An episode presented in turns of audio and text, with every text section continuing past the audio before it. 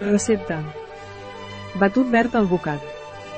Recepta de laboratoris Tungil per preparar un batut d'alvocat verd.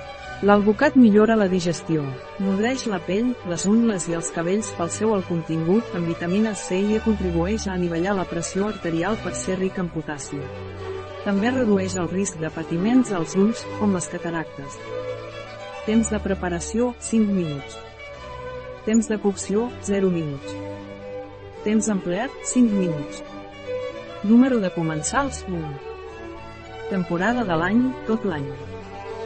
Dificultat, molt fàcil. Tipus de cuina, mediterrània.